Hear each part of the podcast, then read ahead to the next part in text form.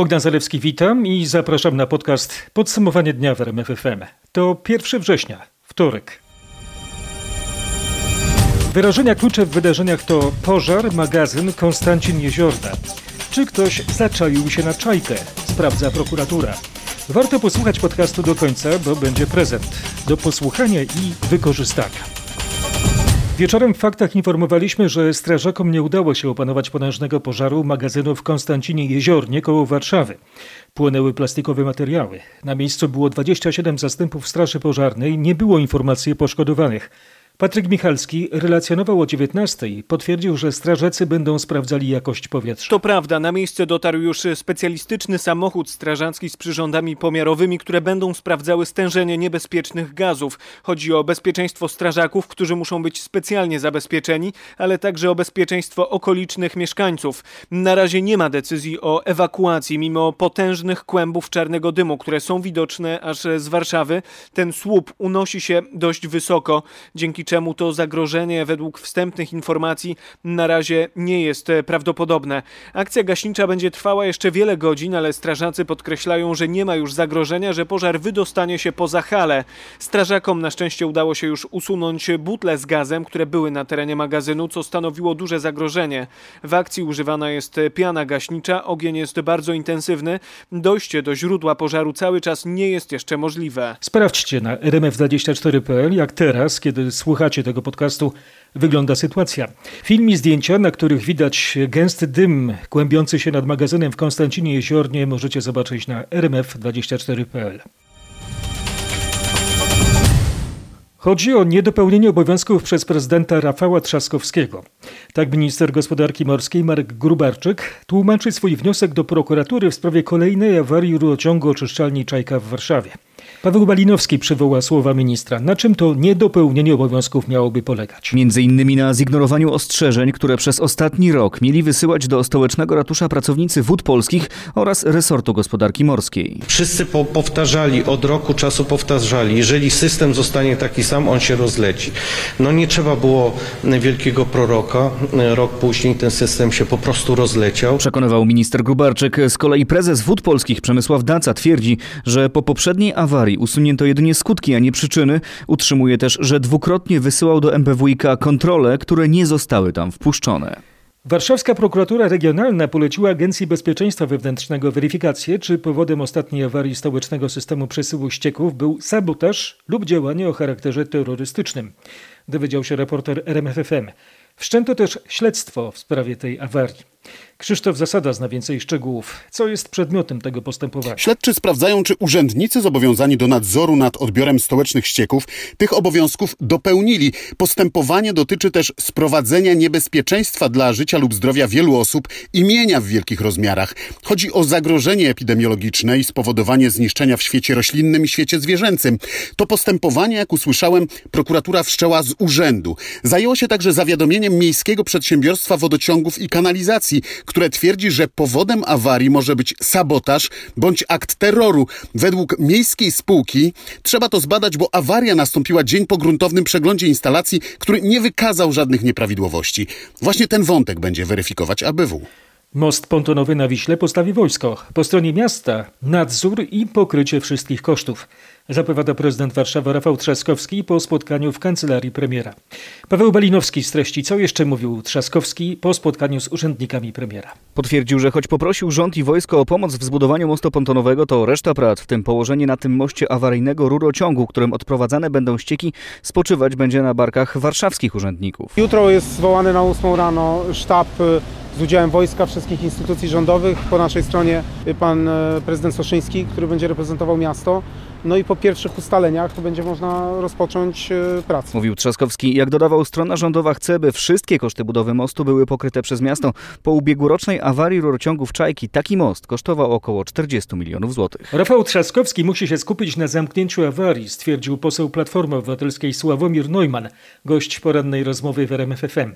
W ten sposób Neumann tłumaczył opóźnienie powołania do życia ruchu politycznego Nowa Solidarność, odpowiadając na pytania Roberta Mazurka. Czy nie ma pan takiego wrażenia, że ścieki z czajki rozmyły właściwie całą nową Solidarność?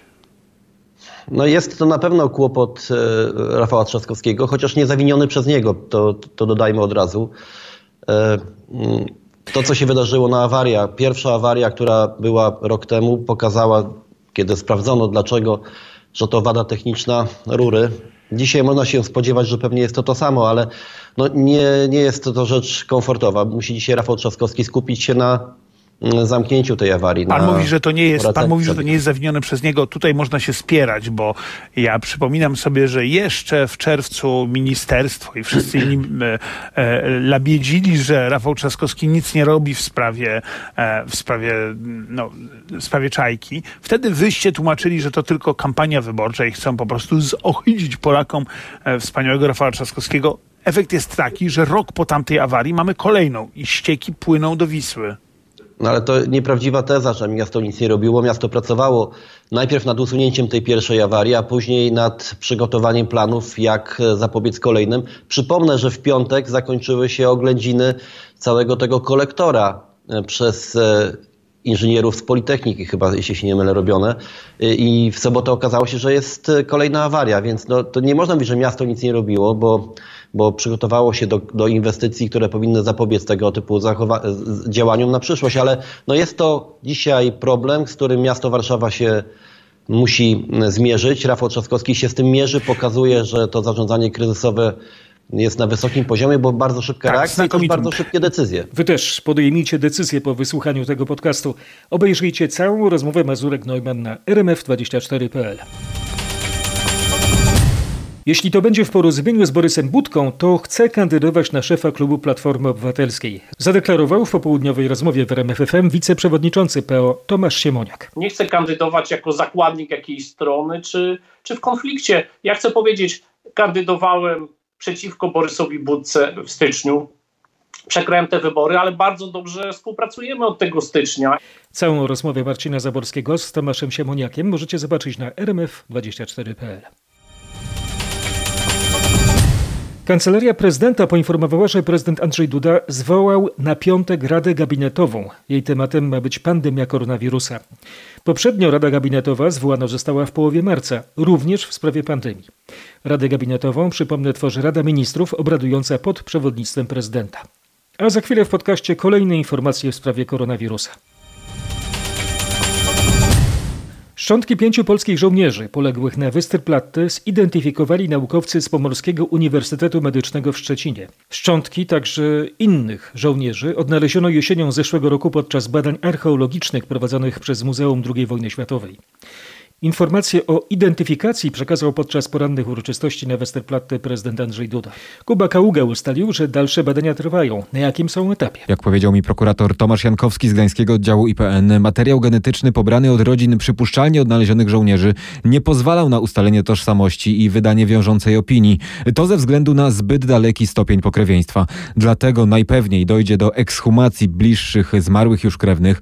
Jedna taka ekshumacja zresztą odbyła się już właśnie przy ustalaniu tożsamości zidentyfikowanych pięciu obrońców Westerplatte. Muszę podziękować bardzo genetykom za kawał dobrej roboty, archeologom za ciężką pracę. Mówił mi dziś na Westerplatte Przemysław Perucki, wnuk brata Bronisława Peruckiego, jednego ze zidentyfikowanych pięciu żołnierzy, którzy zginęli podczas bombardowania wartowni nr 5 na Westerplatte 2 września. Ze względu na wagę sprawy i jej zawiłość, śledztwo w sprawie okoliczności śmierci czterech osób i wybuchu w domu jednorodzinnym w Białymstoku prowadzić będzie miejscowa prokuratura okręgowa. Wstępne oceny policji mówią o rozszerzonym samobójstwie.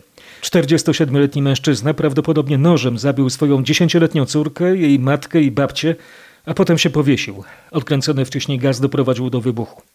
30 maja policja została powiadomiona o przemocy domowej w tej rodzinie. Nasz reporter Piotr Błakowski dowiedział się o szczegółach tej interwencji. E, Wiadomo, że podczas interwencji 30 maja 47-latek został zatrzymany, a prokurator zastosował wobec niego dozór policji nakaz e, opuszczenia domu oraz zakaz zbliżania się do rodziny. E, To było weryfikowane następnego dnia. Policjanci potwierdzili, że mężczyzna wyprowadził się.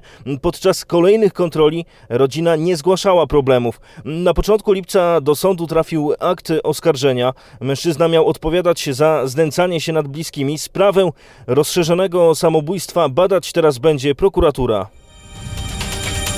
Nie żyje 46-letni górnik z kopalni Zofiówka w Jastrzębiu Zdroju. W podcaście Anna Krobaczek. Ciało górnika znaleziono podczas rewizji szybu. Najpierw specjaliści, którzy przeprowadzali kontrolę urządzeń, zauważyli na jednym z dźwigarów górniczą lampę. Później okazało się, że na dnie szybu leży ciało 46-latka. Na razie nie wiadomo, co było przyczyną śmierci górnika. Wyjaśnia to zespół ekspertów z udziałem przedstawicieli kopalni i nadzoru górniczego. O wypadku poinformowana została także prokuratura i inspekcja pracy. Na rynku pojawia się coraz więcej ubezpieczeń szkolnych od koronawirusa. Firmy ubezpieczeniowe głośno reklamują teraz polisy, które zapewniają odszkodowanie w przypadku zachorowania dziecka. Krzysztof Brenda prześwietlił te oferty. Na czym one polegają? Najczęściej takie ubezpieczenie kosztuje od 40 do 100 zł i zakłada, że jeżeli nasze dziecko zarazi się koronawirusem, to dostaniemy 5000 zł odszkodowania plus ewentualnie po 100 zł za każdy dzień spędzony w szpitalu. Tak wygląda przeciętna oferta. Ale kupując takie ubezpieczenie, bardzo uważnie czytajmy regulaminy i zwłaszcza ogólne warunki ubezpieczenia. Po pierwsze, Zarażenie koronawirusem musi być potwierdzone medycznie. Po drugie, warunkiem wypłaty odszkodowania jest to, że zarażenie nie może być wynikiem złamania przepisów. Ubezpieczyciel może odmówić wypłaty środków, jeżeli dziecko zaraziło się nie stosując się do przepisów, czyli na przykład było w przestrzeni publicznej bez maseczki albo brało udział w zakazanej imprezie. W takim przypadku pieniędzy możemy nie dostać. Powrót do szkolnej ławki po półrocznej przerwie może nie być łatwy. W tym roku dzieciom trudniej niż zwykle będzie przyzwyczaić się do porannego wstawania i codziennej rutyny. Wiele zależy od wsparcia ze strony rodziców. Jakie rady ma dla nich psycholog Tomasz Kafer? Unikać takiego przeskoku z braku obowiązków do jakiejś lawiny obowiązków. Stopniować te zadania, by nie zgasić zainteresowania dziecka, jego entuzjazmu, a przede wszystkim zapewniać o wsparciu. Dzieci ostatni raz w szkolnej ławce siedziały w marcu. To jest trudniejszy start, y, natomiast y, ta nuda, ta separacja też jakoś generuje większą tęsknotę dzieci za rówieśnikami. Kontakty rówieśnicze są dla nich na tyle ważne, że deklarują chęć powrotu. Usłyszała nasza dziennikarka Marlena Chudzio. Trudny start w szkolne obowiązki będzie tematem naszego cyklu Twoje zdrowie w faktach RMFFM. Słuchajcie nas od rana w środę. Zajrzyjcie też już teraz na portal Twoje zdrowie rmf24.pl. Tam będziemy mieć wiele cennych porad. To wymogi formalne ze strony m.in. Ministerstwa Edukacji spowodowały kolejki do przedszkoli, ocenia Mariusz Banach, wiceprezydent Lublina do spraw oświaty.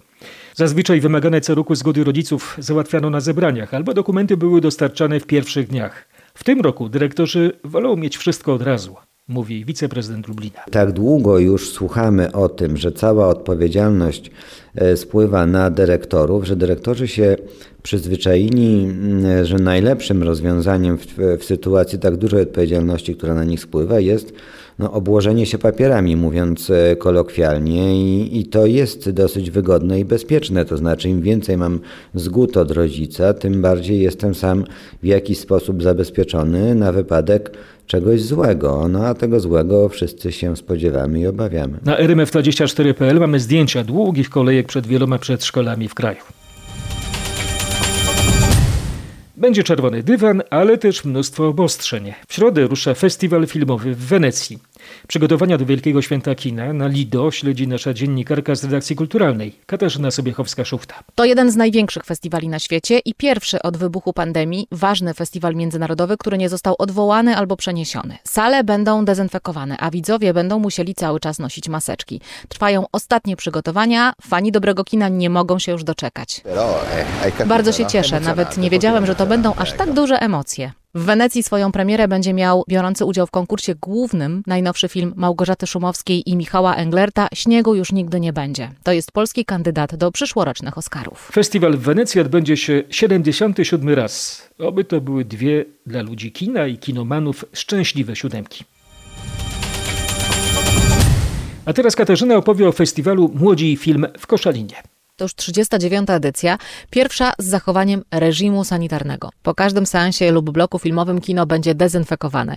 W konkursie debiutów jest 10 filmów, w tym 4 premiery, mówi dyrektor programowy festiwalu Janusz Kijowski. W konkursie pełnometrażowych debiutów fabularnych przewodniczącą zgodziła się być znakomita producentka, człowiek zasłużony dla kinematografii polskiej, między innymi producentka Zimnej Wojny, Pawła Pawlikowskiego, pani Ewa Puszczyńska. Do konkursu krótkometrażowych debiutów filmowych przyjęto 37 fabuł, 19 filmów dokumentalnych i 15 animacji. Po każdej projekcji tradycyjnie planowane są spotkania szczerość za szczerość. Filmy można będzie oglądać też w kinie samochodowym. Młodzi i Film to jest najstarszy w Polsce festiwal, podczas którego widz ma do czynienia tylko z filmowymi debiutami. Oto ciekawa muzyczna zapowiedź ze stolicy Wielkopolski. Popularyzujący muzykę etniczną festiwal Etnoport zacznie się w piątek w Poznaniu. Niedziela, ostatni dzień tego festiwalu poświęcona będzie Białorusi. Zwierzchnik Kościoła katolickiego na Białorusi, arcybiskup Tadeusz Kondrusiewicz, jest na liście osób z zakazem wjazdu na Białoruś. Dlatego został zatrzymany na granicy, ogłosił Aleksandr Łukaszenka. Białoruscy strażnicy graniczni nie wpuścili duchownego do kraju, gdy wracał z Polski. Krzysztof Zasada starał się dowiedzieć, dlaczego arcybiskup jest na czarnej liście. Szczegółowe powody są tajemnicą, natomiast z wypowiedzi Aleksandra Łukaszenki wynika, że Tadeusz Kondrusiewicz traktowany jest jako przeciwnik władz. Białoruski prezydent twierdzi, że służbowo w ostatnich dniach wyjechał do Polski na konsultacje do Warszawy, dodał Łukaszenka i przekonywał, że otrzymał tam określone zadania. Do tego pojawiły się informacje, że arcybiskup ma więcej niż jedno obywatelstwo. Sam Kondrusiewicz powiedział białoruskim mediom, że będzie się odwoływał od decyzji o zakazie wjazdu. Poinformował, że ma jedno obywatelstwo białoruskie i z punktu widzenia prawa nie ma możliwości, by go nie wpuścić do kraju. Dodał też, że nie angażuje się politycznie w trwający kryzys, a wzywa jedynie do zaprzestania przemocy i pokojowego rozwiązania konfliktu. O północy z wtorku na środę wchodzi w życie nowa lista zakazu lotów do Polski. Obejmie połączenia z takich krajów jak Hiszpania, Malta, Rumunia i Albania. W tych krajach, jak wlicza branża turystyczna, przebywa teraz kilkanaście tysięcy osób, które poleciały tam z biurami wycieczkowymi. Do tego trzeba policzyć podróżnych, którzy polecieli tam indywidualnie. Krzysztof Berenda wyjaśni, jak teraz mają wracać turyści przykład z Hiszpanii. Jeżeli polecieli na tak zwaną wycieczkę zorganizowaną, czyli z biurem podróży, to bać się nie muszą. Wchodzące dzisiaj o północy rozporządzenie przewiduje bowiem, że zakaz lotów nie dotyczy tych czarterów, które zostały wynajęte najpóźniej dzisiaj, czyli spokojnie będzie można wracać. Większy problem mają turyści, którzy polecieli na własną rękę. Oni, na przykład z takiej Hiszpanii, będą musieli wracać samochodami albo pociągami. Rząd na razie nie przewiduje bowiem ponownego uruchomienia operacji lot do domu, czyli specjalnych lotów ewakuacyjnych do Polski. Przypomnę, że wbrew zapowiedziom polityków, rząd w ostatniej chwili zrezygnował z obejmowania tym nowym zakazem Francji i Chorwacji. Wyjątek dla Polaków, Czechów i Słowaków od zakazu wjazdu na terytorium Węgier przyczyną kolejnego konfliktu Budapesztu z Brukselą, doniosła we wtorek nasza korespondentka Katarzyna Szymańska-Borginą. We wtorek na całej granicy Węgier przywrócona została kontrola. Jedyni obywatele krajów Grupy Wyszehradzkiej, w tym Polski, będą mogli wjeżdżać na Węgry pod warunkiem przedstawienia negatywnego testu na koronawirusa. Zdaniem Brukseli władze w Budapeszcie wyłączając z restrykcji obywateli Grupy Wyszehradzkiej dyskryminują inne narodowości Unii Europejskiej. Chodzi o wprowadzone przez Budapeszt wyjątki od zakazu wjazdu dla obywateli Czech, Słowacji i Polski. Wyjaśnił rzecznik komisji Christian Wigand. Komisja Europejska wysłała ostry list do węgierskich władz w tej sprawie, wzywając do wycofania się z dyskryminującego zakazu wjazdu na Węgry. Rzecznik komisji przyznał, że Bruksela przygląda się także zakazowi lotów do niektórych unijnych krajów, który od jutra wprowadza Polska. W Czechach w związku ze wzrostem liczby zakażeń koronawirusem wraca część obostrzeń zniesionych kilka miesięcy temu. W podsumowaniu dnia Maciej Pałachicki. Od dzisiaj u naszych południowych sąsiadów wrócił obowiązek zakładania maseczek w środkach komunikacji publicznej i urzędach. Nakaz zasłaniania ust i nosa wprowadzono także na terenie praskiego metra i lotniska Wacława Hawla, we wszystkich placówkach służby zdrowia, a także aptekach i domach dla seniorów. Użycie maseczek jest niezbędne również podczas imprez masowych, w których uczestniczy ponad 100 osób. Nie zdecydowano się natomiast na wprowadzenie obowiązku ich noszenia w sklepach, u fryzjera czy w restauracjach i pubach. Za to obowiązują większości praskich szkół, bowiem czeska stolica ze względu na liczbę zakażeń znalazła się w tzw. Tak strefie pomarańczowej. Wczoraj u naszych południowych sąsiadów stwierdzono 257 nowych przypadków COVID-19. Jak pokonać koronawirusa? Nad tym pracują naukowcy z całego świata. Francuscy badacze twierdzą, że znaleźli na niego sposób. Ma to być specjalny spray do nosa i pigułki do ssania. Taką wieść przekazał nam korespondent w Paryżu, Marek Gładysz. Naukowcy z renomowanego francuskiego Centrum Poszukiwań Naukowych i z paryskiej Sorbonny twierdzą, że wiedzą jak w cudzysłowie oszukać koronawirusa i uczynić go niegroźnym dla ludzi. Opracowali spray do nosa i pigułki do ssania, które zawierają peptydy blokujące tzw. Tak białko S, zwane również proteiną spike, co sprawia, że wypustki znajdujące się na otoczce koronawirusa nie są w stanie atakować zdrowych ludzkich komórek. Trwają testy nowego specyfiku, francuscy naukowcy szukają inwestorów, twierdzą, że wystarczy im milion euro, by lek, który byłoby trzeba zażywać profilaktycznie kilka razy dziennie, był gotowy przed końcem tego roku. Astma nie jest czynnikiem istotnie zwiększającym ryzyko poważnych powikłań zakażenia koronawirusem.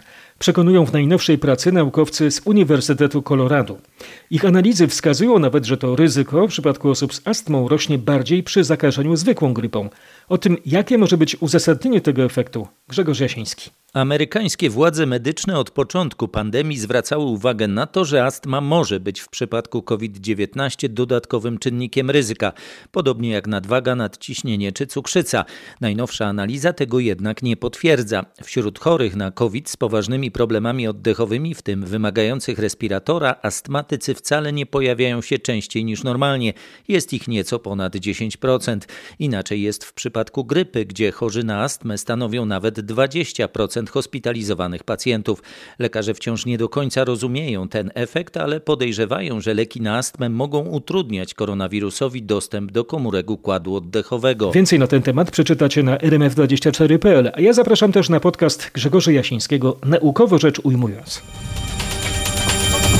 Brytyjski rząd zatwierdził używanie wojskowych dronów do monitorowania sytuacji na kanale La Manche, przez który przemycani są na wyspy imigranci. W podsumowaniu dnia Bogdan Firmorgan. Po raz pierwszy wojskowe drony wspierać będą w ten sposób brytyjską Straż Graniczną. Startować będą z lotniska w hrabstwie Kent na południu Anglii, a pilotować je będą żołnierze stacjonującej tam jednostki królewskiej artylerii. Tylko w tym roku aż 5 tysięcy uchodźców pokonało kanał La Manche na niewielkich łodziach i pontonach. Rząd Wielkiej Brytanii domaga się od Paryża wzmożonej kontroli przeciwległego wybrzeża, ale bez dodatkowych funduszy napływających z Londynu sytuacja będzie się pogarszać. Mieszkańcy Poznania muszą od wtorku segregować odpady. Choć dla wielu z nich nie jest to nowość, w mieście są wspólnoty, których mieszkańcy decydowali się na wyższe opłaty za wywóz śmieci, przez co nie musieli dzielić ich na osobne frakcje. Teraz to już jednak niemożliwe. Jeśli firmy opróżniające osiedlowe i przydomowe kosze na śmieci zauważą, że mieszkańcy nie stosują się do nowych reguł, opłaty mają wzrastać jeszcze bardziej. Segreguje cały czas. Śmietnik otwarty, wszędzie w okolicy dostęp do niego mają. Jeżeli to nie będzie uporządkowane, to odpowiedzialność zbiorowa jest nie na miejscu. Wątpliwości budzi też odbiór, bo się zdarzało wcześniej, to później też szło wszystko do tego worka. Od dzisiaj się zmienia sposób odbierania odpadów? Wykorzystaliśmy z wykonawców, którzy posiadali najczęściej przegrody i to też nie jest prawda, że te odpady się mieszały. Co więcej, i tak odpady ze zbiórki selektywnej muszą trafić na sortownię. O segregowanie śmieci w Poznaniu pytał nasz reporter Mateusz Łystun. Główna wylatówka na Warszawę z Krakowa, ale ja 29 listopada, wreszcie doczeka się przebudowy. To jedna z najważniejszych dróg wyjazdowych z miasta. Nasz reporter Marek Wiosło zna szczegóły. Kiedy zaczną się prace? Drogowcy przebudowę tej ważnej arterii zaczną w ostatni tydzień września. Aleja 29 listopada to jedna z najważniejszych dróg na północy Krakowa i główna wylotówka w stronę Warszawy. Nowa droga usprawni ruch na północy miasta także dlatego, że połączy się z budowaną północną obwodnicą, mówi Jan Machowski z Zarządu Inwestycji Miejskich w Krakowie. Jest to odcinek od ulicy Woronicza do granicy miasta. Będą dwie jezdnie po dwa pasy ruchu, będą poprowadzone buspasy, będą oczywiście ścieżki rowerowe. Przebudowa drogi będzie jednak oznaczać ogromne utrudnienia dla kierowców oraz pasażerów. Przebudowane będą musiały zostać także dwa wiadukty kolejowe. 117 załóg stanie 11 września na starcie czwartej edycji Rajdu Śląska. Takiej liczby nie spodziewali się nawet sami organizatorzy, mówi dyrektor imprezy Bartłomiej Gorajczyk. Najwięcej 70 załóg jest w rajdowych samochodowych mistrzostwach Polski. Cała krajowa czołówka na śląskich OS-ach. Dokładnie tak, no właśnie dzisiaj na konferencji był Grzegorz Grzyb, który miał nie jechać w Mistrzostwach Polski w całym cyklu. Pojawił się, jedzie. No i fajnie, bo jest dość dużo R5, to na pewno nas cieszy. Z dyrektorem Rajdu Śląska rozmawiał Wojciech Marczyk, a nas cieszy, że mogliśmy opowiedzieć o rajdowej imprezie. W środę będzie okazja, aby poznać sekrety jednej z najpiękniejszych jaskiń w Polsce. Podczas ostatniej z wirtualnych konferencji odkrywców organizowanych w ramach Dolnośląskiego Festiwalu Tajemnic dowiecie się więcej o jaskini Niedźwiedziej w Kletnie. Jest położona w masywie Śnieżnika i najdłuższa w polskich Sudetach, odkryta została przez przypadek w 1966 roku. Podczas jednego z odstrzałów w nowo otwartym kamieniołomie marmuru Kretno 3 oczom pracowników ukazał się wyjątkowy obraz. Otwór na ścianie wyrobiska, z którego wysypało się masę kości. Pierwsze skojarzenie, że może być to zbiorowa mogiła z czasów II wojny światowej. Okazało się, że cała masa tych kości należy do wymarłego gatunku niedźwiedzia jaskiniowego, czyli Ursus peleus. Mówił Artur Sawicki, geograf i kierownik jaskini Niedźwiedziej, który więcej opowie o niej już w środę o 20 na profilu facebookowym Dolnośląskiego Festiwalu Tajemnic. Zapraszamy. Urodzone w ubiegłym roku szczecińskie dzieci dostaną swoje drzewa. Właśnie ruszyła rekrutacja do akcji Jedno dziecko, jedno drzewo. Ona będzie polegała na tym, że dzieci, które urodziły się w roku 2019 i zostały zameldowane w Szczecinie w 2019, będą miały możliwość wraz ze swoimi rodzicami i wraz z nami posadzić pamiątkowe drzewa w dwóch lokalizacjach naszego miasta. Na lewobrzeżu dzieci będą sadziły drzewa na Syrenich Stawach, na prawobrzeżu będzie to w Parku Majowym. To najprawdopodobniej będą dęby i lipy, chłopcy będą sadzili dęby, dziewczynki będą sadziły lipy. Mówi Andrzej Kus z Zakładu Usług Komunalnych w Szczecinie. Pierwsza tura sadzenia drzew już na początku października czeka 75 sadzonek. Dzwonek oznajmiający początek i koniec lekcji to codzienność w zdecydowanej większości szkół. Uczniowie jednak niekoniecznie lubią jego brzmienie. Dlatego na początek nowego roku szkolnego RMFFM ma dla Was wyjątkowy dzwonek od Grumiego.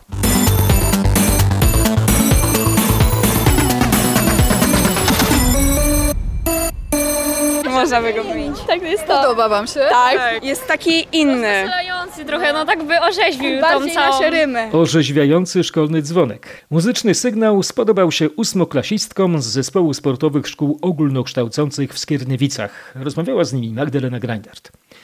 Aha, byłbym zapomniał. Dzwonek jest do ściągnięcia ze strony RMFFM. Koniec lekcji, której to ja się uczyłem od moich koleżanek i kolegów dziennikarzy. Mam nadzieję, że Wam też przyda się wiedza na temat wydarzeń poważnych i mniej poważnych, tematów ważnych i tych lekkich. Pozdrawiam Was bardzo serdecznie. Podcaster Bogdan Zarewski. To było podsumowanie dnia w RMFFM.